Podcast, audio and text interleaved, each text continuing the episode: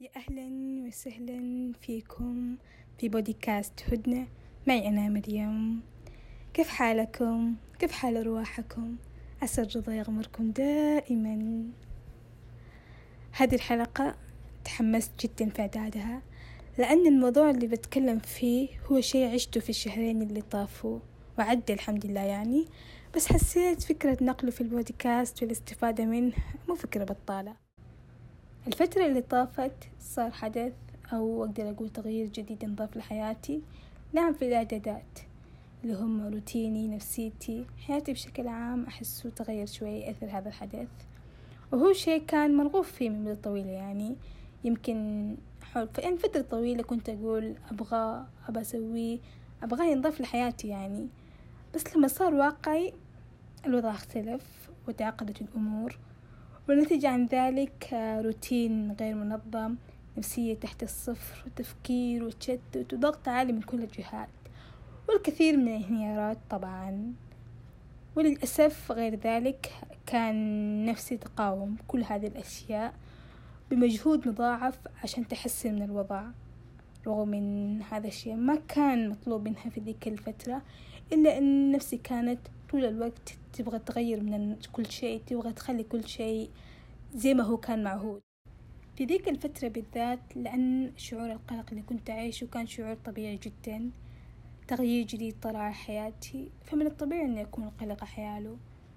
صح ممكن أحاول أروح عني أو أغير من نفسيتي لكن المقاومة اللي كنت أنا أسويها كان غلط للأسف. تخيل كنت أقاوم تخبط مشاعري وكل شيء عشان أتقبل الوضع بالرغم من أن كل شيء فيني كان يصيح بكلمة واحدة وهي لأ للأسف. بس الحمد لله إني عرفت إن اللي قاعدة أسويه غلط في نفس ذيك الفترة. حقيقة معرفتي لهذا الشيء خفف عني كثير وفرق معي. حسيت إني فاهمة نفسي فاهمة مشاعري. فوقتها مسكتني على جنب وقلت مريم أتركي نفسك للتيار. مو لازم تتقبلين كل شيء. فأحس وقتها اقتنعت مني. أخذت وقتي الكافي اللي بلا شك كان يتخلل الكثير من الانهيارات والكثير من الرفض. بس عشان أتقبل وأعتاد وأحب وأرضى. كان مرة يهمني إني أكون راضية على كل شيء مرة كان يهمني. يهمني إني أوصل لمرحلة الرضا اللي يمكن اللي أنا واصلة لها الآن. دورة الحياة تتغير باستمرار.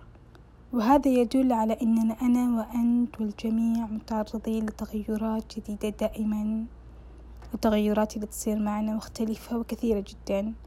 ممكن تكون مرحلة جديدة تبدأها أو ظرف يصير معك أو تنتقل للعيش في مكان آخر. وهذا طبعا يؤدي للمخالطة والتعامل مع بيئة جديدة. وممكن تكون وظيفة والكثير من التغيرات الأخرى اللي ممكن تطرأ عليك إحداهم. في البداية من الطبيعي إنها تسبب لنا قلق وخوف لفترة معينة لأنه شيء جديد علينا وممكن تراودنا أفكار سيئة أيضا مثل إننا مستحيل نفلح في الشيء الجديد هذا أو إننا نبغى نرجع خطوة للوراء لحياتنا قبل يعني. متحجين بأنها مناسبة لنا أكثر. علما ممكن أنت تكون أصلا مختار وراغب في هذا التغيير الجديد عشان ينضاف لحياتك يعني. لكن القلق والخوف شعورين لابد من أنهم يضعون بصمتهم في بداية أي شيء جديد. لذلك أنت بعد خذ وقتك خذ وقتك وافهم مشاعرك ولا تنسى تحتوي نفسك. ولا تنتظر من نفسك إنك تكون متقبل لتغيير جديد أو شيء جديد طرأ على حياتك لأنك قررت أنا متقبل عشر مرات. لا. ولا تنتظر من نفسك نفسك السابقة في ظل تغيرات وفترة كليا جديدة عليك. وعني إنك تنتظر من نفسك نفسية زينة طوال الوقت وترفض انخفاض مشاعرك وما يؤدي إليه. فخذ وقتك الكافي وحتفرق معك بإذن الله. وقبل لا أختم أكثر كلمة كنت أقولها لنفسي في ذيك الفترة هي هونيها يا مريم. وفعلا هانت الحمد لله. لذلك بسألك وش هي كلمتك اللي تقولها لنفسك في أوقاتك العصيبة وتخفف بدورها عليك؟ تقدر تشاركني في التعليقات أو في تويتر زي ما تحب. وأخيرا لكونك وصلت لهذه الجزئية فشكرا لك على استماعك.